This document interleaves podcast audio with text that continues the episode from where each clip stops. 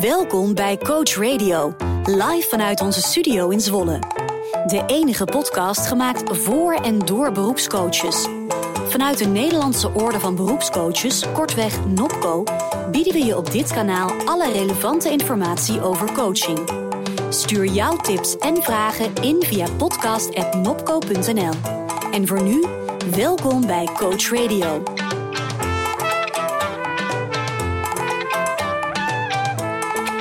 Ja, van harte welkom allemaal bij deze nieuwe aflevering van Coach Radio, de podcast van de Nederlandse Orde van Beroepscoaches.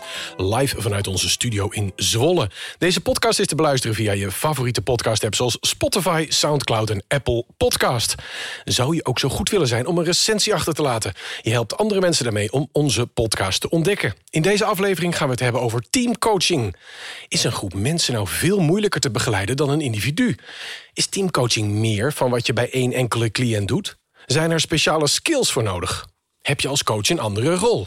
We gaan het er vandaag over hebben met teamcoach Marianne Eusen... wetenschappelijk expert Karin Derks... en uiteraard ook aan de hand van een passende recensie door Jelle Westerdorp.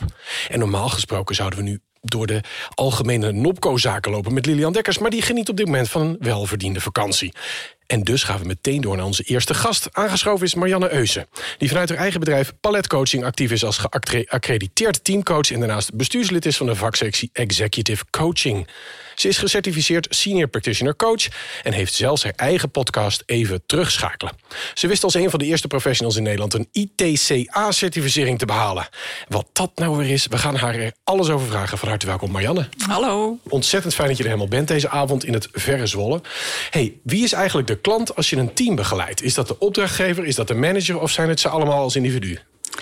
Ja, ik beschouw de, het team als geheel als klant. En um, zeker niet de individuen. Uh, daar, ik richt me eigenlijk helemaal niet op de individuen.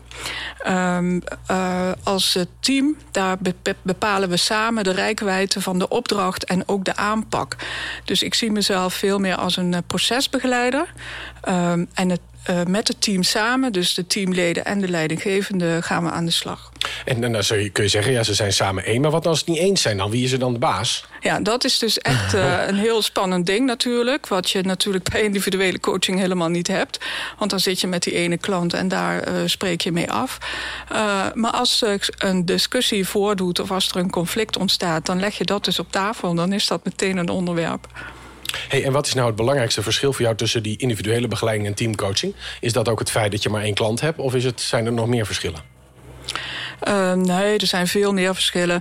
Uh, bij teamcoaching richt je je echt uh, op het proces. En kijk je naar de toegevoegde waarde voor de organisatie. En het liefst kijk ik zelfs nog een stapje verder... naar de toegevoegde waarde voor de maatschappij. Dus als teamcoach ben ik gericht op uh, wat eigenlijk de doelstelling van de organisatie is. Um, want ook een organisatie is maar een middel. Dus... Maar, maar dit is even... Sorry dat je onderbreekt. Maar stel nou, je hebt Shell. En Shell zegt, ik wil geld genereren. Jij zegt, de wereld moet mooier weg met die rottige olie. En de teamleden zeggen, ja, wij willen uh, begeleid worden in uh, fijner samenwerken. Dat is nogal conflicterend met z'n allen. Dan moet je wel een soort wondercoach zijn, toch? Um, nee, geen wondercoach, maar ik breng wel dat perspectief... Uh, wat buiten de organisatie ligt, breng ik wel altijd in. Uh, omdat dat meer richting geeft. Je geeft daarmee een koers aan uh, waar iedereen naartoe wil. Okay. En anders heb je heel vaak conflicten en verborgen agenda's. En, um, je en als je nou een team vol zakkenwassers hebt... die zeggen wij willen gewoon veel winst maken... En het strookt dan niet met het maatschappelijk doel. Is dat dan iets wat jij ze kunt opleggen? Of moet je het dan toch doen met wat het team wil? Nee, ik kan ze dat niet opleggen. Ik blijf uh, de coach. Hè. Ik, ik, begeleid dat proces en ik kan wel dingen aangeven van... nou, heb, uh, heb je dat onderzocht? Weet je wat de buitenwereld wil? Um, en ik probeer, ik ben ook geen missionaris. Ik ben niet op pad met de missie van... ik ga bijvoorbeeld Shell vergroenen. Uh, maar ik zal wel zeker mijn best doen om ze daar een stap in te helpen... als ik daar een opdracht uh, zou hebben. Dus je mag ook veel meer een ethisch bewustzijn zijn, hoor ik je dan eigenlijk zeggen. Klopt dat? Uh, maatschappelijk bewust vind ik dat. Um, want bij ethisch denk ik ook aan Um, hoe noem je dat? Echt ethische ja, dilemma's. dilemma's. Ja. Um, en ik weet niet of dat er zo heel snel in zit. Maar ik vind uh, wel mijn taak als coach om een maatschappelijke impact te hebben. Oké. Hey, en wat vraagt het dan van een coach? Want je zegt eigenlijk dat je dus meer doet dan individueel. Als je nou begint met werken van teams, heb je dan speciale skills nodig? Of heb je speciale ervaring nodig naast? Hè? Je, mensen doen vaak een basisopleiding voor een coach. Wat heb je dan verder nog nodig in je toolbox? Ja, ik vind uh, met name... De, uh, uh, je begint als coach vaak met individuen. De meeste opleidingen zijn ook gericht om te werken met individuen. Um, en dat is echt iets heel anders. Want je gaat dan kijken naar welke belemmeringen ervaart dit individu... en hoe kan ik iemand daarmee helpen en laten groeien. Um, bij teamcoaching heb je, naar mijn idee, echt uh, organisatieervaring nodig. Uh, organisatieontwikkelingservaring. Sensitiviteit, ja, ja. Nou, nee, je moet echt iets weten over organisatieveranderingsprocessen. Dat bedoel ik ook met organisatiesensitiviteit. Okay. Ik zei alleen niet organisatie ervoor, sorry. En uh, je, je moet dus. Uh, ja, ik heb ook jarenlang als adviseur gewerkt. En ik ben ook eigenlijk opgeleid als organisatiekundige. Um, dus dat is voor mij een hele normale insteek. Maar die is zeker niet standaard als je een individuele coachingopleiding hebt gedaan. Nou, ik zie Karin ook knikken, maar die gaan we straks nog even verder, uh, verder vragen. Zeg je daarmee ook dat mensen die, zo'n, die niet een bredere achtergrond hebben dan coaching, zich misschien nog niet moeten wagen aan teamcoaching? Ja, ik vind bij teamcoaching heb je echt uh, een rugzak uh, nodig. Um, met heel veel verschillende skills. Um, het is sowieso complex omdat je op veel meer verschillende mensen moet letten. Dus ik vind ook dat je echt uh, ervaring moet hebben met coaching. Zodat je goed kan observeren en ook uh, snel kan handelen. Dus um, niet denken van ik heb een methode en die stappen volg ik. Maar je moet gewoon uh, ter plekke bedenken wat is hier nu nodig. Uh, dus soepel kunnen schakelen. Um, en verschillende manieren hebben. Want wat ja, niet alles werkt. Dus ik heb bijvoorbeeld ook een opleiding systemisch werken gedaan. -hmm. Dat vond ik ook heel interessant bij individuen. Maar ik vind het nog belangrijker om op die manier naar die teams te kijken. Oké, en, en dan, dan lijkt het me heel lastig als je zo'n complexe situatie beschrijft, uh, beschrijft... om scherp te zijn op de ethische dilemma's. Hè? Want dat is een hele complexe dynamiek. De NOPCO uh, werkt met de IMCC-guidelines, met de Internationale Ethische Code. Nou, daar zijn best wel wat, wat uh, ideeën, zoals bijvoorbeeld... de coachie zit altijd aan het roer in een bepaalde richting. Wat natuurlijk veel complexer is in een team. Heb jij een voorbeeld van een ethisch dilemma... dat je met de luisteraars zou kunnen doornemen... om, om een beeld te schetsen van hoe dat werkt bij teamcoaching? Ja, bij teamcoaching zit natuurlijk ook uh, die klant uh, aan het roer. Alleen is dat dan uh, het team. -hmm. en ik help ze wel veel meer dan bij een individuele coaching... om een keuze te maken uit de onderwerpen. Um, maar als er een dilemma ontstaat... dan zit dat vaak in de verborgen agenda die de verschillende betrokkenen hebben. Um, en daar moet je dus heel alert op zijn... Um, je hebt te maken met de leidinggevende, met het team, de teamleden... en ook nog vaak een opdrachtgever die daar weer in de organisatie boven zit. En die machtsverhoudingen die spelen absoluut een rol als jij aan het coachen bent. Dat betekent ook dat je daar heel stevig in moet staan als coach... om je niet te laten gebruiken door de ene of de andere partij. Maar, maar eh, ik hoop dat je me toestaat om het even praktisch te maken voor de luisteraar. Stel, je hebt een team en er zit een manager op, die heeft jou gebeld... en die, uh, die heeft natuurlijk gezegd dat iedereen moet veranderen, behalve hij of zijzelf. En, en op een gegeven moment loop je daar tegenaan. Van joh, er zijn, uh, in het team gaat het eigenlijk best goed. Er is goede cohesie, ze hebben een goed beeld. Maar die manager die zit ertussen en dat is echt het probleem. Ik zie al instemmend knikken. Uh, hoe ga je daarmee om? Want je zou kunnen zeggen dat is een ethisch dilemma. Want ik heb niet die manager als klant en ook niet die losse individu. Het moet één geheel zijn. Maar wat nou als het dat niet is? Ja, nou, ja, maar je zegt het heel goed. Ik heb niet de manager als klant en ook niet het team. Maar ik heb het geheel als klant. En uh, wat je dan um, ja, moet doen is dat toch... Uh, op tafel leggen. Ik doe ook altijd eerst een onderzoek laat iedereen vragenlijsten invullen... zodat er een uh, gedragen perceptie van de huidige situatie is. Dus jij weet al dat die manager een zakkenwasser is dan? Dat heb ik al allemaal gehoord. Dat heb ik al allemaal ja. gehoord. Okay. En uh, zeg maar de manier om hier als coach in te kunnen blijven functioneren... is dat ik uh, begin met... Um, altijd de mogelijkheid te hebben om het contract open te breken. Contractering is voor mij echt het sleutelwoord hierin.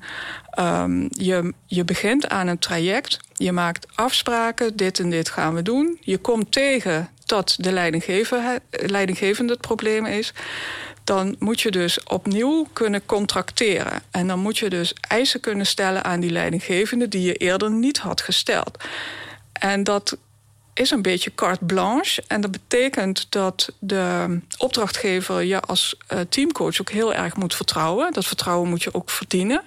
Dus daar zit voor mij de oplossing in om om te gaan met dit soort dilemma's. Maar nou is het zo dat als je als basiscoach begint... dan kun je op de Nopco-site zo'n zo'n standaard contract downloaden. Daar staat dit niet in. Nee, daar staat dat absoluut niet in. Heb jij dit helemaal zelf laten schrijven? Of heb je dit laten ontwikkelen? Of ben je zelf superhandig? Hoe doe je dat dan? Want dit is nog een, een, eh, een brain teaser, dit contract. Nee, dit contract eh, bevat dus die ene zin... dat je te alle tijden uh, de optie uh, voorbehoudt om het contract open te breken.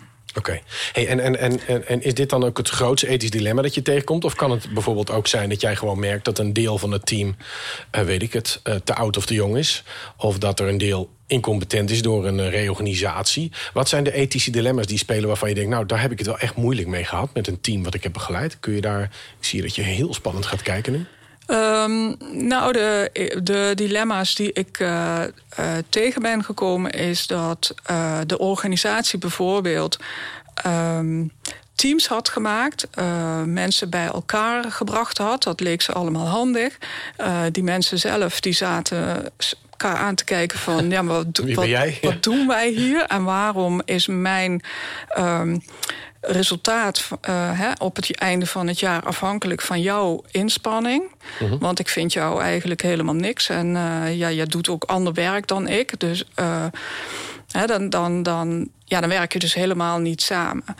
Um, en uh, ik heb toen echt ook met de leidinggevende besproken van wat is de bedoeling hiervan?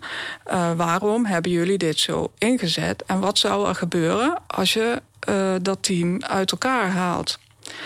Um, en dat is voor mij uh, vragen naar de, naar de purpose, met een heel modern woord, van uh, waartoe uh, Zijn jullie in godsnaam samen? Ja, precies. Ja, ja, en dat kan je dus wel bedenken van... we zetten mensen die een beetje over zijn... of die een beetje het soortgelijke werk doen... die zetten we bij elkaar. Dat lijkt ons wel handig. Maar dat leidt helemaal niet tot tot meerwaarde. Dus het gaat erom bij teamcoaching dat je zorgt dat 1 en 1 3 wordt. Maar heb je best wel veel lef nodig. Omdat, om, om, want dit voel jij op dag 1 waarschijnlijk al aan. Dan moet je dus ook durven zeggen, jongens, ja, ik wil niet vervelend zijn. Wat doen jullie bij elkaar? Ja, ja maar je komt door een aantal vragen te stellen over uh, uh, wat, um, wat kunnen jullie samen bereiken wat je in je eentje niet kan, bijvoorbeeld. -huh. uh, waartoe bieden jullie een oplossing? Ja, en als dan al heel snel blijkt van we hebben elkaar helemaal niet nodig om, om onze taken te doen, dan, dan is er niet echt een team. Ja, maar dan ga ik dus ook inderdaad kijken. En dat is die, die opening die ik dan heb om dat contract open te breken. En met die baas uh, te bespreken van ja, maar jongens, uh, uh, ik kan hier blijven begeleiden, maar dat is de oplossing niet. Dus altijd zo, ik stel me nu bij Duk, die heeft voor zijn bureau zo'n luik waar hij op een knopje kan drukken waar iedereen dan uitvalt. Maar dat is eigenlijk een beetje de clausule in het contract. Van ja. ik moet gewoon continu mijn hand op die knop hebben en bereid te zijn om weg te gaan. Of, of helpen om cruciaal terug te gaan naar het fundament op het moment dat er iets niet klopt. Ja. Oké. Okay. Hey, en, en even, uh, we gaan straks verder met je praten, je blijft aan tafel. Maar even om, om, om dit blokje af te sluiten. Wat is jouw advies aan coaches die denken, nou als ik Marianne zo hoor, dat lijkt me zo enig om teamcoach te worden? Ja, ja, ja, dat is het ook. Dat, ik vind, het, echt, ik, vind het echt geweldig. Ja? Uh, het is heel uitdagend. Um, maar mijn advies zou zijn: uh, verbreed je kennis dus van uh, het individu naar de organisatie. ja, volg een opleiding teamcoaching. Hè? Ja, dat is wel handig. Er is er nu eentje. Um, Hoe heette die opleiding die jij had gedaan? Ik heb een opleiding gedaan bij W. Bex. Het klinkt heel erg buitenlands. Ja, dat is Amerikaans. Uh, dat is ook een internationale opleiding. En die wordt uh, gegeven door uh, David Clutterbuck. Dat is ook de enige Engelse professor... die überhaupt geaccrediteerde teamcoachopleidingen... voor de IMCC aanbiedt. dus daar kom je toch al snel op uit. Um, en... Um, ja. en even voor de mensen, want, want wij hebben het hierover gehad... op een gegeven moment bij de koffie. Want je hebt zeg maar een EIA, een European Individual Accreditation. Dat is er nu ook voor teamcoaching, een ITCA. Jij hebt dat. Maar hoe, hoe je dat nog meer kunt krijgen, dat is nog een beetje mysterieus, toch? Uh, de, ik heb nu, jij zei daar straks van ik ben eh, senior practitioner coach, dat Ja, klopt. voor ja. Maar voor teamcoaching ben ik foundation. Ja. Dat is het allereerste niveau. En dat komt omdat er eh, gewoon geen ander niveau nog is. Beschreven, nog niet eh, duidelijk van waar mensen dan aan moeten voldoen. Ehm, dus het is nog echt eh, in ontwikkeling. Maar mogen wij jou dan, mag ik jou namens de coaches van de Opco een vraag stellen? Want jij bent dat aan het uitzoeken en je, je hebt ook vragen gesteld in MC. Als je daar nou achter komt, zou jij dan een, een artikeltje voor de nieuwsflits willen maken... waarin uitgelegd wordt hoe dit in vredesnaam werkt? Want misschien zijn er meer teamcoaches. En het is dus nog niet helemaal duidelijk. We hebben allebei even wat huiswerk gedaan, maar daar, daar kwamen we niet uit. Eh, dus kunnen we die afspraak maken, denk je, voor de Ja. luisteraars? Dat zodra er wat is, dan gaan we even een, eh, een, een- dan maak jij een artikeltje voor ons. Ja, goed Top? plan. Want er zijn vast mensen die aan die eisen voldoen. Hè? Eh, Ja. En die kunnen dan ook geaccrediteerd worden. Helemaal goed. Nou, dan gaan we door met de volgende gast. Bij ons vanavond is niemand minder dan dokter Karin Derksen. Is zowel expert als wetenschapper. En zoekt ook de magie waar deze twee samenkomen. Bij de VU geeft ze les en doet thesisbegeleiding aan de opleiding Master of Change. Ook is ze research fellow aan Nijenrode Business University. En is haar publicatielijst indrukwekkend. Voor praktische toepassing is er het boek Goed Teamwerk dat dit jaar werd uitgebracht. Iemand die niet alleen veel weet, maar ook heel veel kan. Van harte welkom Karin. Dankjewel. Ja, ja, je kijkt heel bescheiden, je klinkt heel bescheiden. Maar je hebt best wel veel gedaan. Ongelooflijk. Nou ja, veel. eh, ja, ondertussen ben ik twaalf jaar met, eh, met teams en, en leiderschapsvraagstukken bezig. Want volgens mij gaan ze altijd met elkaar samen. En eigenlijk zegt Marianne dat volgens mij ook. Als ik een team begeleid, heb ik de leidinggevende erbij. Ja. Ehm, dus ik ben daar in mijn werk als eh, adviseur mee bezig. En ik doe daar onderzoek inderdaad naar. En toen jij vroeger een heel klein meisje was... hoe hadden we toen al kunnen weten dat je dit zou gaan doen? Ik eh, wist dat zelf tot eh, eh, 14 jaar, 15 jaar geleden nog niet, En denk wat, ik. wat was de epiphany dat maakte dat je dacht... nou, dit is wel heel boeiend. Ehm, nou, ik werkte zelf altijd wel heel erg graag in teams. Ik verzamelde ook graag mensen om me heen om samen dingen mee te doen. Omdat ik het idee heb van, eh, nou, als je wilt leren en ontwikkelen, dan heb je mensen om je heen nodig waar je iets samen mee doet. Eh, dat was misschien al een beetje een begin. En eh, toen wilde ik in 2008 eh, beginnen met een promotieonderzoek. En heb dat bij Lyon de KLW gedaan. En wist toen niet zo goed wat ik wilde gaan onderzoeken. En wat heel lang leuk zou zijn om onderzoek naar te doen. En eh, kwam in een soort oriëntatie eigenlijk terecht bij het proefschrift van Mark Koenders. En die had een eh, soort samenwerkingsmodel voor teams ontwikkeld. Maar dat was heel theoretisch en complex. Althans, dat vond ik. Eh, en eh, Leon de KLW was dat met me eens, dus dat was eh, fijn. En toen dacht ik, ja, hier ligt een uitdaging om dit praktisch te gaan maken. Dus zo ben ik er eigenlijk aan begonnen. Nou, en we kunnen zeggen dat je dat huiswerk goed hebt gedaan... want er is ongelooflijk veel verschenen van jouw hand. hey, dat werken in teams, dat is nog niet zo eenvoudig, blijkt in de praktijk. Waar zie jij dit voornamelijk misgaan? Ehm, op veel vlakken eigenlijk. En dat begint bij het begin, waar Marianne volgens mij ook al begon. Heel veel teams zijn een team, worden een team genoemd. eh, maar er is helemaal niet een noodzaak om een team te zijn. En eh, ja, als er niet een heel goed antwoord is op waarom zijn jullie een team en wat hebben jullie samen te doen en heb je elkaar daar echt voor nodig, ja, begin er dan liever niet aan. Want als je naar onderzoeken kijkt, dan zit er gemiddeld genomen een rendementsverlies van 25% op teamwerk. Dat is duur. Dat is heel duur. en eh, daar maken we ons blijkbaar toch niet zo heel erg druk om. Ehm, en wat Marianne zegt, ja, een team wil je eigenlijk 1 plus 1 is 3. Maar als er rendementsverlies van 25% op zit, dan is het niet eens 1 plus 1 is 2, maar dan is het maar 1 plus 1 is 1,5. Eh, dus ik vind dat als je het hebt over wat gaat er mis, dat is het begin. Vraag je veel meer af of een team wel een team moet zijn. En kun jij dat ook, hè, want je, je hebt heel veel onderzoek gedaan... veel gedaan zelf ook in de praktijk. Als jij nu een ruimte binnenkomt, kun je het al een klein beetje aanvoelen? Nou, aanvoelen is misschien wel veel, te vaag. veel gezegd. Nee, maar zie jij als je een ruimte binnenkomt... dan van, joh, mensen zijn lekker met elkaar bezig, hebben er zin in... of je ziet dan al meteen dat er drie in een hoekje koffie staan te drinken... met de rest eh, eh, aan tafel zit, nerveus. Heb je dan meteen al een inschatting van... oh, volgens mij wordt dit een zware dag? Of ben je iemand die heel wetenschappelijk... dat heel neutraal gaat observeren? Nee, natuurlijk heb je wel gelijk ergens een gevoel bij. Eh, maar eh, of een team echt een team moet zijn, dat begint eigenlijk meestal al bij, bij het eerste gesprek. Als er wordt gevraagd van ja, wil je eens met ons meekijken, meedenken, eh, wil je misschien ons eens gaan coachen? Ehm, ja, daar vraag ik natuurlijk wat door van ja, wat voor soort team is het en eh, wat voor mensen zitten daarin, wat is hun gezamenlijke opgave of doel. Nou ja, dan wordt vaak al heel snel duidelijk van... hé, hey, maar hier klopt iets niet. En is het altijd de leidinggevende die belt? Want in teams is het niet zo dat iedereen maar zomaar kan bellen, toch? Voor een coach, of wel? Nou, dat verschilt heel erg per organisatie. Oké. Ehm, het is wel regelmatig een leidinggevende, maar uh, soms zijn het ook gewoon teamleden. Oké. Ehm, een andere die veel misgaat is bijvoorbeeld het teamomvang. Uh, we denken nog steeds heel gemakkelijk van ja, één meer of minder, wat maakt het uit? Nou, dat maakt in teams eigenlijk heel veel uit, blijkt uit heel veel onderzoeken. Ja, want de ING heeft uitgezocht tussen de vijf en zeven mensen. Deel jij dat ook? Uh, ja, als je kijkt naar uh, uh, wereldwijd, zeg maar, wetenschappelijk onderzoek, dan zit dat ergens tussen de drie en de tien. En er lijkt een soort optimum tussen de zes en de acht okay. teamleden. Dus jij bent met me eens, zo'n vergadering met twintig mensen aan tafel, dat is voor iedereen verschrikkelijk. Absoluut. ja, Oké, heel goed. Ja. Hey, en, en je zei al van, je hebt bij professor Kaluwe heb je, heb je onderzoek gedaan. Wat is eigenlijk bekend uit de wetenschap over dat werken met teams? Nou ja, een van de dingen die ik net zei, hè, van Ja. iets over teamomvang. Ja.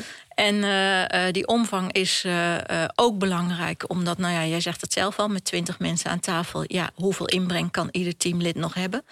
En wat voor toegevoegde waarde heb je dan als je eigenlijk niks in kan brengen?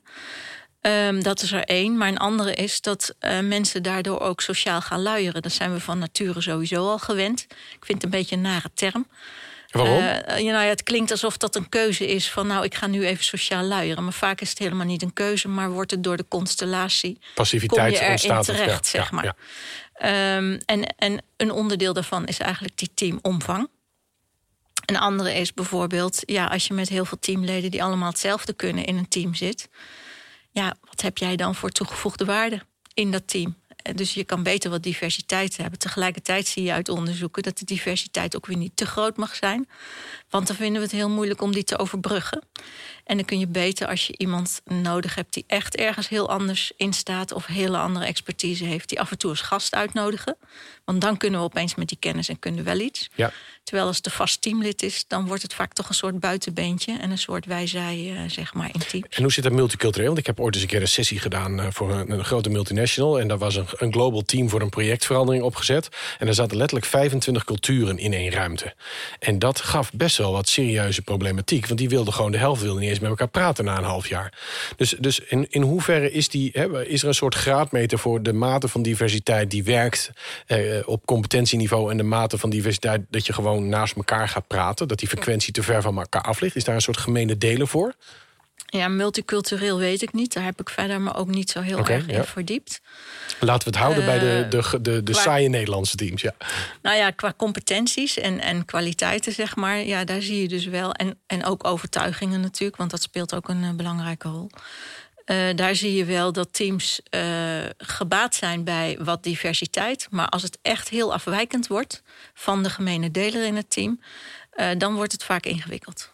Oké, heel goed.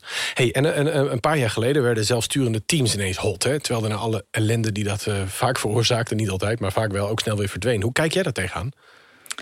Ehm, ja, ik denk dat zelfsturende teams heel vaak echt heel verkeerd zijn opgevat en geïnterpreteerd. Ja, Het is toch heel vaak gezien als een soort ja bezuinigingsmaatregel. succes ermee. We hebben de manager ontslagen. Alle leidinggevenden eruit en huppatee. Ehm, nou ja, dan denk ik, ja, een kind kan, kan bedenken dat dit niet een succes zomaar gaat worden. Nee, want even voor mij, dan moet je maar eh, corrigeren als ik het niet goed heb. In mijn hoofd, er was onderzoek naar gedaan. Er waren eigenlijk twee eh, eh, breed gedeelde varianten. In de ene stond er gewoon een nieuwe leider op. En in de tweede werd iedereen overspannen van de stress. Is dat, is dat te, te gechargeerd van mij? Ik zie Marjan een klein beetje lachen van ja, Arvid, dat is veel te gechargeerd. Ja, het is eh, een beetje te gechargeerd. Maar wat je wel uit onderzoeken in ieder geval ziet, is dat als je eh, eh, teams hebt en je zegt tegen het leidinggevende van nou jullie eruit en je organiseert daar niks op, dan is er in no time weer een informele leider in zo'n team. En over het algemeen zie je ook dat die informele leider niet de meest geschikte persoon is om het beste uit het team naar voren te halen. Dus dat is een heel groot risico als je zegt, hup, alle leidinggevenden eruit en je denkt, nou het komt wel goed. Teams zijn hoogopgeleide professionals, die kunnen dat wel. Nee, dat gaat dus niet zomaar. Daar is teamwerk veel te ingewikkeld voor. Maar kom jij daar dan, eh, en Marianne, komen jullie dan... stel nou dat ik dat zou willen, die manager die functioneerde niet... ik heb zo'n team met competente mensen met gezonde diversiteit... komen jullie er dan een tijdje in meedraaien om te zorgen dat ze het zelf kunnen? Is dat wel een reële optie? Of zeg je van nou ja, eigenlijk in de ultieme situatie... is toch altijd iemand die wel als leidinggevende... of als, al is het maar in de rol van werkgever... toch zo'n team begeleidt structureel in de organisatie? Nou, ik weet niet hoe jij dat ziet, Marianne. Maar ik denk inderdaad wel dat uh, uh, een team, zeker met hoger opgeleide professionals, maar dat hoeft niet eens per se. Uh, dat die, als die wat goede ondersteuning krijgen om dit proces zeg maar, goed met elkaar vorm te geven. En vooral wat je ook ziet uit onderzoeken, maar ik merk het in de praktijk ook. Als zij een soort ondersteunende structuur hebben, waardoor ze echt van elkaars kwaliteiten optimaal gebruik maken door bijvoorbeeld taken heel goed te verdelen. Of op een andere manier zouden ze dat kunnen doen. Uh, dat ze heel ver kunnen komen. En dan af en toe hebben ze misschien wel weer even wat ondersteuning nodig. Maar ben je dan niet gewoon een freelance manager die op afstand af en toe even ingrijpt? Nou ja, dat is de vraag. Dat, ja, ja, Marianne, ik kijk naar jou. Jij zegt een beetje ja. Ja, ik vind dat bijna wel. Want ik vind dat die uh, zelfsturende teams eigenlijk uh, heel goed um, uh, kunnen functioneren. En ook heel veel betere kwaliteit leveren. Um, maar dan moeten ze zich met hun vak kunnen bezighouden. Um, en daar kunnen ze prima de taken verdelen en uh, lossen ze problemen fantastisch op. Maar wat je ziet is dat ze dus verzanden in de administratieve dingen en de beslissingen nemen en de vertaalslag naar de top Directie, van de organisatie. Ja, precies, En daar moet je ze in faciliteren. Dus ik zie dan inderdaad een uh, manager die veel meer teams uh, tegelijk aan kan. Um, en die net dat soort dingen voor ze wegneemt. Ik zie in de praktijk ook vaak dat dan een, een coach is. Een jobcoach of een teamcoach worden ze dan genoemd. Uh, maar die heeft die, daadkracht niet. Die heeft gewoon die macht, uh, die doorzettingsmacht niet. Uh, dus ik ben dan voorstander toch van een manager, maar die een hele andere rol heeft. En dus niet de controle rol en de besluitvorming, maar veel meer uh, de aandachtsfactor in het team. Duidelijk. Ik ga nog even terug naar Karin, want nou komt er iets uh, ter sprake. Wat vraagt teambegeleiding eigenlijk van die specialistische teamcoach? Zijn het een soort ubermensen? Mag ik eerst nog even iets op Marianne Ja, natuurlijk. zeggen? Alles mag vanavond. Ja, natuurlijk. Uh, want uh, ik, ik, ben het daar helemaal mee eens. Uh, en wat ik bij die managers dan zie, is het grote risico dat ehm, het is goed als zij op afstand staan, want dan kunnen ze niet meer zo heel direct interveneren in die teams. En tegelijkertijd zie ik dat heel veel managers ontzettend gewend zijn, en daar begon jij in je verhaal ook een klein beetje mee richting coaches, om één op één met medewerkers te interveneren en gesprekken te voeren. Maar daarmee ondermijnen ze heel vaak het versterken van het team. Mm -hmm. uh, dus dat vind ik een groot risico. Uh, en daar hebben managers, naar mijn idee, ook iets in te doen. Zeker ook als je de teams zo zelfsturend mogelijk wilt laten opereren. Zou elke manager dan teamcoach moeten kunnen worden? Ja, eigenlijk wel. Marianne steekt duim omhoog. Ze kan nog geen punten geven, maar ze is het wel mee eens. Maar dan komen we toch weer terug op die vraag. Hè? Wat, wat, wat vraagt teambegeleiding van de specialistische teamcoach? Wat moet die kunnen? Ja, ik denk dat Marianne dat misschien nog beter kan beantwoorden. Dat mag ze dan straks ik. doen. Maar uh, uh, nou ja die, moet, ja, die moet natuurlijk best veel kunnen. Uh, want je moet, zoals Marianne straks al zei, je moet oog voor het geheel hebben. Dus je moet iets van het systemische bijvoorbeeld weten. hoe dat werkt. En, en hoe ieder teamlid invloed heeft dus op dat systeem. Ook als je niks zegt of niks doet. Mm -hmm. um, je moet heel goed kunnen luisteren, goed kunnen observeren. Maar je moet ook uh, uh, nou, niet bang zijn om een keer iets spannends te doen. Want uh, je weet soms niet hoe een groep of een team gaat reageren op iets wat jij in gaat brengen, wat je signaleert. Um, nou, dan moet je soms ook wat kunnen repareren als je iets hebt aangeroerd. Althans, dat overkomt je wel eens. Dat in ieder geval mij risico. wel. Ja, ja. Daar moet je ook niet zo bang voor zijn. Dus in die zin uh, ja, heb je best het een en ander nodig. En, en, aan en tegelijkertijd zie ik ook, maar misschien is dat ook een soort verschuiving daarin wel, dat weet ik niet zo goed. En ik hoor hem jou ook zeggen, Marianne, van um, als teamcoach. Ja, je kunt je bijna nooit echt alleen maar op zo'n team richten. Want zo'n team werkt in een constellatie van ofwel een organisatie of over organisaties heen soms. Want je hebt ook steeds meer teams die natuurlijk bestaan uit mensen uit verschillende organisaties. Mm -hmm. Dus je hebt ook altijd iets met die context te doen. En in die zin uh, ja, heb je ook inderdaad, schuift het ook een beetje op richting organisatieadvies. Oké. Okay. En heb je die combi bijna nodig. En dan vraag ik je even jullie allebei, want Marianne zit steeds mee te knikken, maar, maar dan vraag ik, zet ik jullie gewoon allebei tegelijk even aan. Als ik nou vraag hè, van welke aspecten kun je aanleren en welke moeten een beetje aangeboren zijn, wat denken jullie dan? Dus gaan we nu allebei elkaar heel spannend aankijken. ik, uh, ik denk dat je heel veel kan leren. Dus ik ben niet van uh, ja, je moet dat al kunnen en anders uh, wordt het niks. Maar zoals lef, hè, wat jullie zeggen eigenlijk allebei tegelijk... van je hebt een bepaald lef nodig om een risico te nemen... om een, om een bepaalde prikkel te geven als daarom gevraagd wordt. Ja, dat is toch niet iets wat ik uit een boekje of in een training... als je, als je super introvert bent, dan lijkt het me heel moeilijk om dit te doen voor zo'n team. Klopt dat? Ja, maar als je super extravert bent eigenlijk ook. Want je moet ook weer niet zelf op het podium willen staan. Je moet ook in de achtergrond kunnen opereren. Dus een van de dingen, je moet best wel een leuk mens zijn om dit te doen. Ja, zo. nee, maar, maar eh, wat zijn de competenties? Dus de, zaken die je kunt trainen. Hè, dus de, je hebt bepaalde modellen, je hebt informatie die je tot je kan nemen. Je kunt nadenken over die diversiteit. En, en, maar, maar wat zijn de persoonlijke eigenschappen van mensen waarvan je zou zeggen: Nou, ik zie jou vooral echt teamcoach worden, want dit heb je bij je. Wat zijn dan aspecten waar je als eerst aan denkt? Goed luisteren en, en nieuwsgierig zijn naar de interacties tussen mensen. Ja. Vooral dat. Dus niet per se naar de mensen zelf, maar wel wat er tussen die mensen okay, gebeurt. Dat is een mooi verschil. Ja. En het um, kunnen blijven terugleggen. Dus niet uh, denken dat jij de oplossing moet bieden.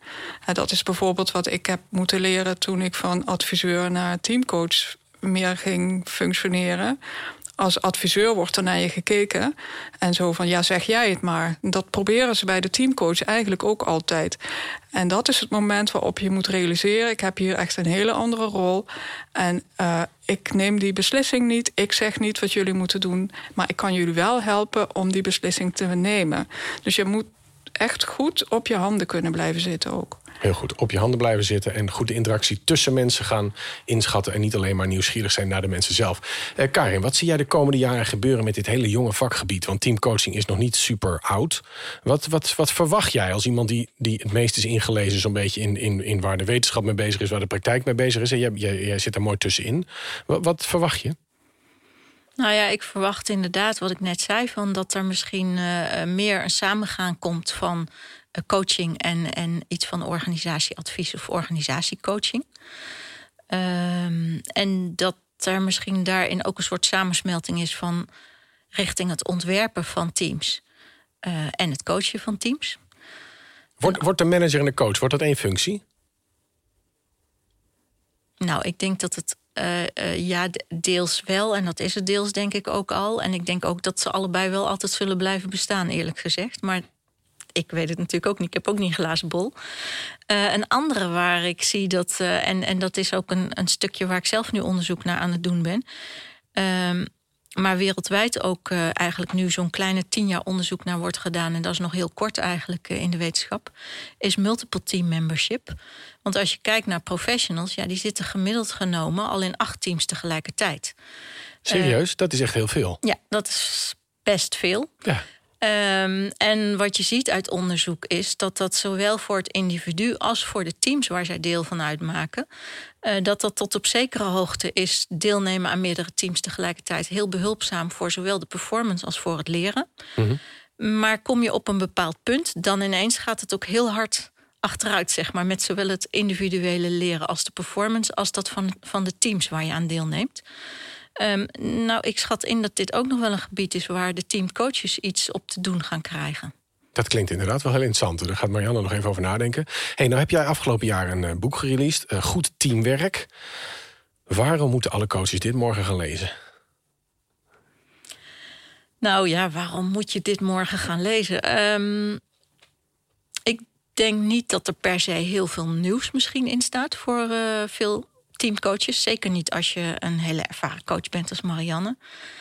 Uh, wat uh, het boek wel brengt, is in ieder geval een. Het, ik heb geprobeerd om echt wat er nu bekend is vanuit wetenschappelijk onderzoek, om dat bij elkaar te brengen. Maar je zei in het begin, toen je het over meneer de Calloway had, toen ging jij een onderzoek kiezen en toen zei je er is wel wat bekend, maar het was zo wollig en onoverzichtelijk opgeschreven. Ben jij iemand die het ook in dit boek een beetje uh, ordelend en, en overzichtelijk bij elkaar zet? Is het ook een manier om het, om het makkelijker tot je te nemen? Ja, dat zeer zeker.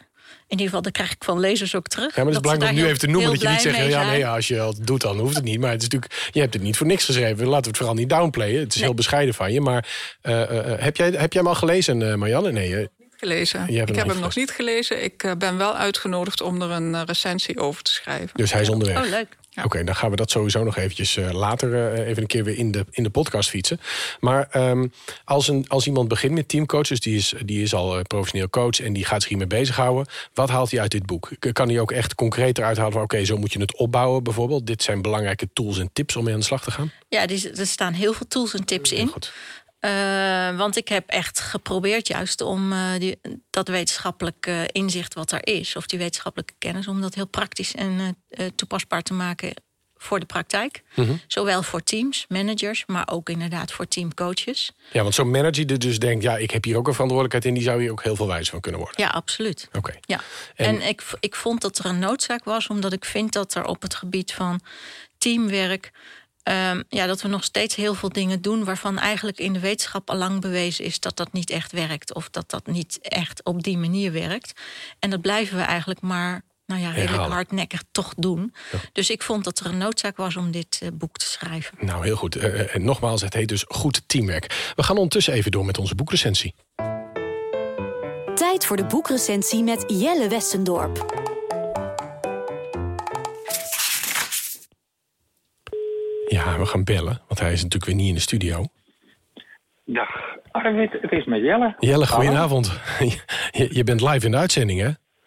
Dit is geweldig. Ja, het voelt heel raar, want ik ben natuurlijk altijd in Zwolle. Omdat ik denk van ja, als je met de podcast meedoet, dan moet je er zijn. Ja. En ja, ik ben op vakantie, dus we doen het zo even deze keer. Maar even, eh, ik moet vaststellen dat wij hier allemaal heel hard aan het werk zijn. En jij zit een beetje lekker op je boot met je blote voetjes in het water. Wat doen wij fout, Jelle? Ja, ik, het zou kunnen zijn dat je wat meer anticyclisch moet denken. ik, Niet van die moeilijke woorden, hè? geef gewoon een antwoord. Kom op. Nou ja, oké. Nou, ik werk dat in het voorjaar. Hè. Zo, nou ja, wanneer de vogeltjes beginnen te fluiten, echt hard fluiten, dan wil ik naar buiten. Nou, dan ga ik mijn bootjes uh, onderhouden. De conditie van de bootjes onderhouden. Let u op het meervoud, dames en heren. Bootjes. Ja, ja. bootjes. En heel, heel bescheiden. ondertussen geef ik de coaches voldoende huiswerk mee voor hun en mijn vakantie. En dan uh, ga ik tenslotte voor de meute uit het water op. Ja. Omdat we nu in coronatijd uh, ja, heel graag uh, het water opzoeken. En heel veel mensen de Friese meren gaan bezoeken. Dus ik ben al geweest voordat de meute er is. Nou, dit, uh, dit, is een hele goede tip. Ik voel me er nog niet heel veel beter door, maar goed. Gelukkig ben je ook aan het werk geweest. Je las deze maand het boek van Anton Scheffers. Dat had uh, Marianne ja. aangeraden van, joh, dat is echt wel een boek uh, in deze ja. business. waarom zelfs de beste teams ontsporen?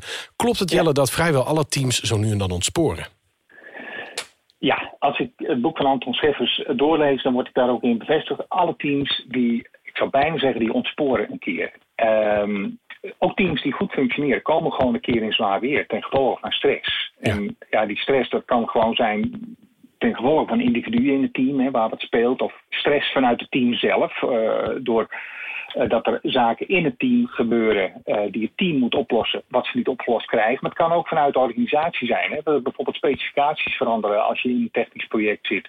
Of dat er een tijdsdruk is die zo groot is en groter wordt, wat vanuit de organisatie komt. Dan kan het team uiteindelijk terugvallen. En dan kun je zeggen, ja, de theorie van Tuckman zou je dat los kunnen laten. En dat met forming, storming, uh, norming. Maar dat doet Anton Scheffers niet. En dat vind ik wel heel leuk. Heel goed, want de dames aan tafel het, beginnen heel hard nee te knikken toen je dat zei. Dus dat is wel goed nee, dat we dat niet doen, ja. ja. nee, precies. ik ga het ze straks nog even hij, vragen. Ja. Hij, hij gebruikt dat concept teamconditie. En, en die teamconditie die, die moet bijgehouden en onderhouden worden. Uh, maar desondanks gaat het altijd wel een keer mis uh, in de teamdynamiek. En, en, die kan dan werkelijk muurvast raken, zoals hij zo mooi beschrijft. En uh, teamleden gaan zich dan heel onveilig voelen. Vertrouwen in elkaar verdampt, uh, er wordt niet meer met elkaar gepraat.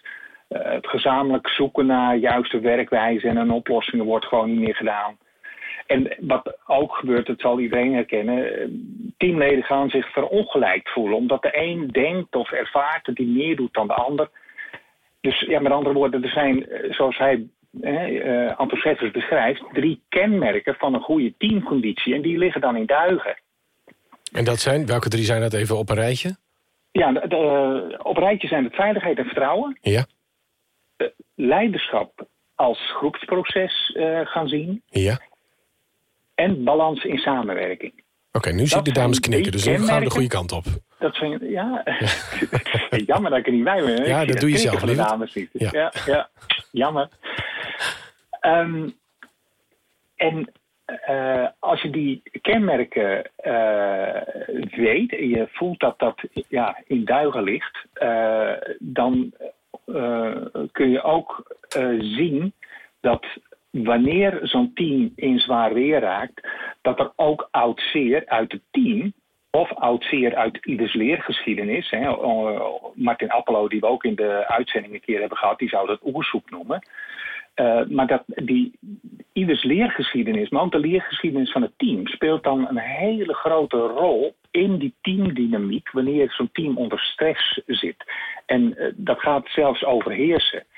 Uh, het leuke is dat dus Scheffers die drie kenmerken van die goede teamconditie, dat hij daar elk een hoofdstuk aan wijdt en dat helemaal uitpelt van hey, hoe, ziet dat, uh, hoe, hoe zit dat in elkaar. Maar wat, wat kan een coach, hè, volgens die meneer Scheffers, Anton Scheffers, ja. uh, bijdragen aan een groep professionals die moeten samenwerken? Kunnen wij er iets aan doen? Ja, ik zeg wij, ik hoor er niet helemaal bij, maar, ja. maar even de, de teamcoaches in de landen. Wie, um, wat kunnen die hier eigenlijk volgens hem aan doen?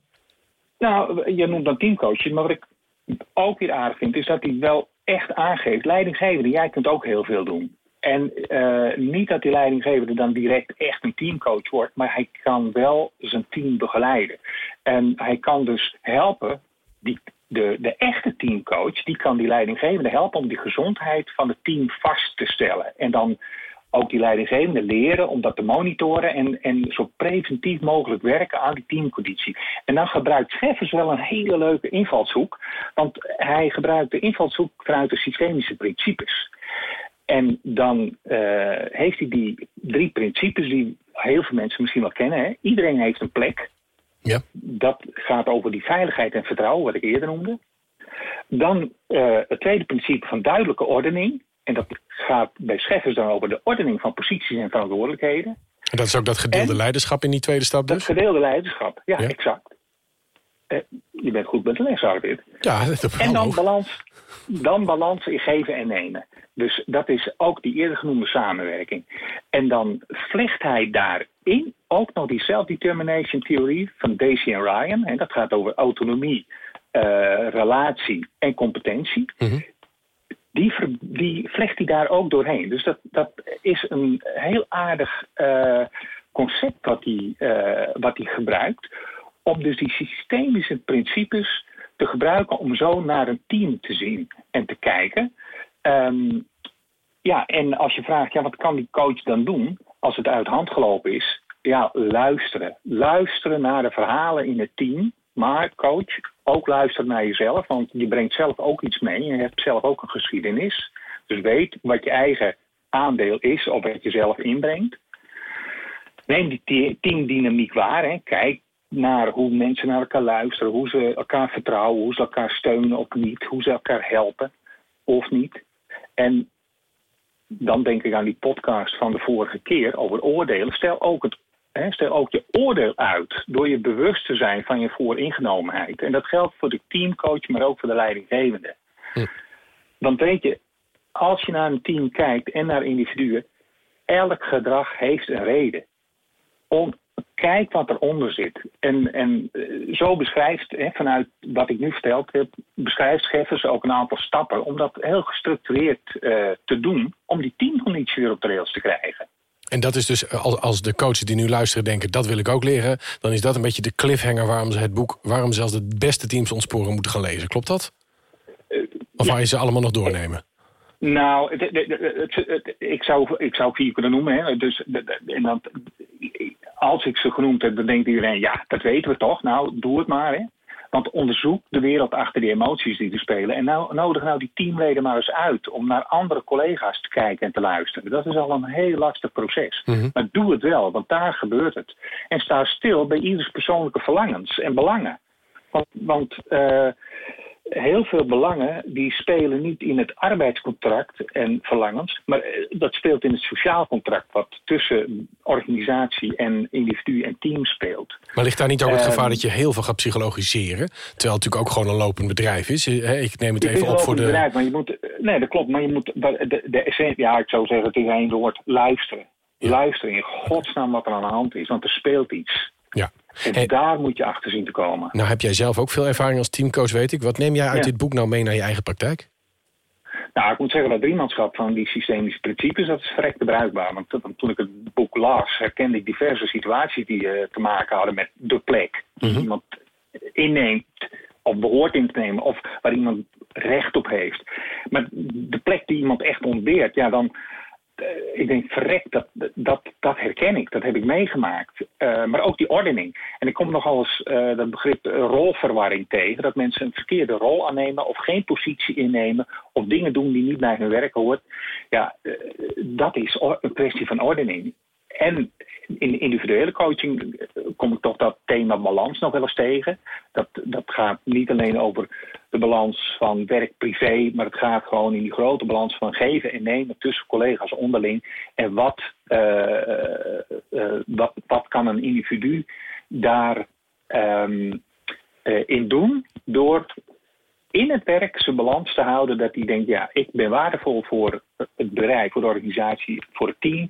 Maar ik ben genoeg waardevol ook voor mezelf om eh, te blijven zien waar ik waard ben. En waar het dan misgaat, ja, dan, of als het dan misgaat, dan, dan spreek ik deze mensen wel eens. En dan eh, probeer ik ook dat weer op de rails te zetten. Ja. Heel goed. Hey, en dan laten we even iets nieuws doen. Eh, laten we eens kijken, kun je ook een cijfer geven voor dit boek? Zo van, van nou, ik ben eh, op zoek naar literatuur over de teamcoaching. Het boek van Anton Ja. Scheffers. Welk cijfer krijg je? Ja. 0 tot 10? Ja, dan, eh, je kent me. Ik ga, dit is weer een tweetrapsraket. Oh, ik zou eerst zeggen een 7. Ja. En verrek, dan lees ik het boek tot bijna aan het eind. En wat, nee, ik, eh, ik ben bijna aan het eind. En ik denk, ja, eh, Anton Scheffers, het, het, het bloedt een beetje dood, dat boek. En wat zei hij nou aan het begin toen ik terugbladerde? Lees dit boek niet in één keer. Neem dit gewoon in stukjes bij elkaar. En eh, anders eh, neem je het niet voldoende tot je. Dus hij had eigenlijk al gereflecteerd op zijn eigen manier van schrijven. Dat hij eh, zegt, als je dit in één keer leest, neem je het niet allemaal op. En begrijp je het ook in de volgorde niet. En dat gebeurde mij dus ook. Dus dat heeft hij me voor gewaarschuwd. En ik viel bijna in die valkuil. Dus ik zeg dat hij dat ook al heeft voorzien, vind ik het echt wel een acht. Nou, hartstikke goed. Dankjewel Jelle. Heel veel plezier Dank op de boot. Ja. En volgende keer weer hier, hè? Ja, daar ben ik weer bij. Arvid. Spreek je af. Groetjes. Hey, succes.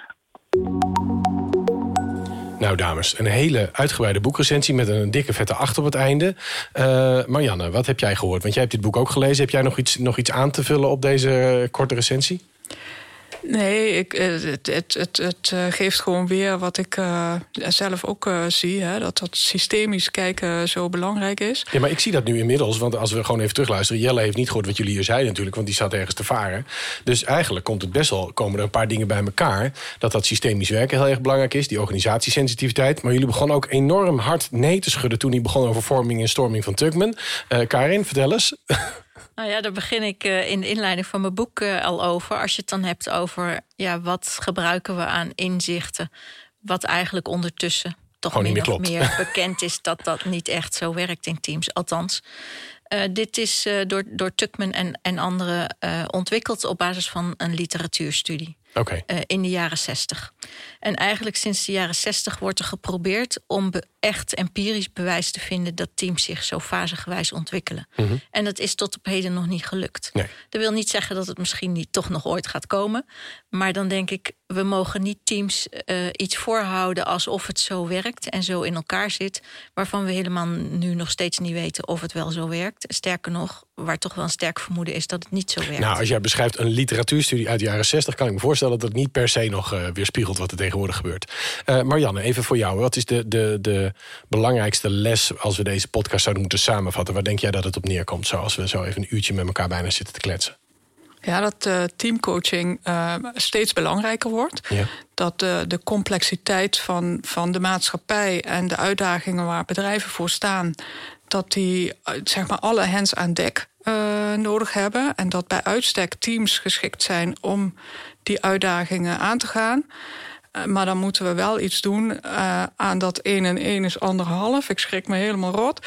Dat is echt zo, die 25% inefficiëntie? Ja? Het moet dus echt 1 en 1 uh, 3 gaan Op zijn minst, hè? Ja. Wow. En um, wat ik zie als een hele belangrijke vaardigheid voor die teamleden eigenlijk... is uh, wat Amy Edmondson teaming noemt.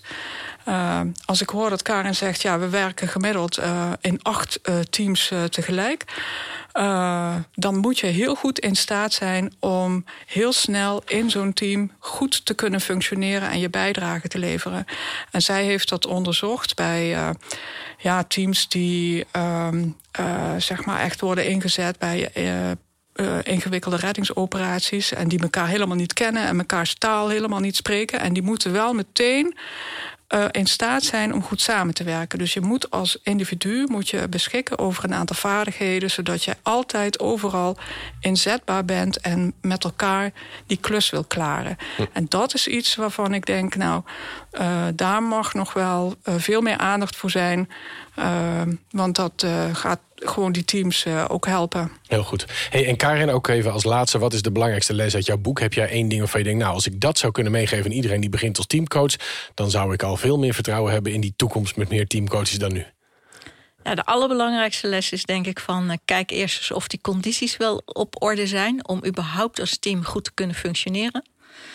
Uh, en een andere is wel, uh, veiligheid werd hier ook al een aantal keren genoemd. Nou, dat noemen teams zelf ook heel vaak. Uh, dat je realiseert dat veiligheid, dat maken de teams ook zelf. Oké. In de samenwerking met elkaar. Vind ik een hele goede en ook een mooie om uh, als thema in te zetten... als je ooit met een team aan de slag gaat. Lief luisteraars, fijn dat je weer tijd vrijmaakte... voor de Coach Radio podcast. Ik bedank mijn, uh, mijn gasten Karin uh, Derksen en Marianne Eusen. Stuur jouw ideeën, reacties en opmerkingen... vooral naar podcast.nopco.nl. Volgende maand zijn we weer terug met een nieuwe aflevering. Volg de nieuwsflits en reageer snel als je wilt bijdragen. Dankjewel voor het luisteren en hopelijk tot gauw.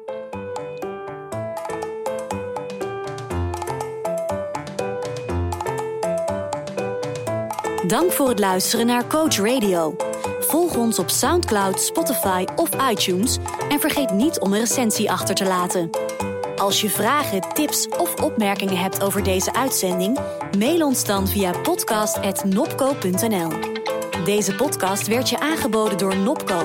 www.nopco.nl. Graag tot snel.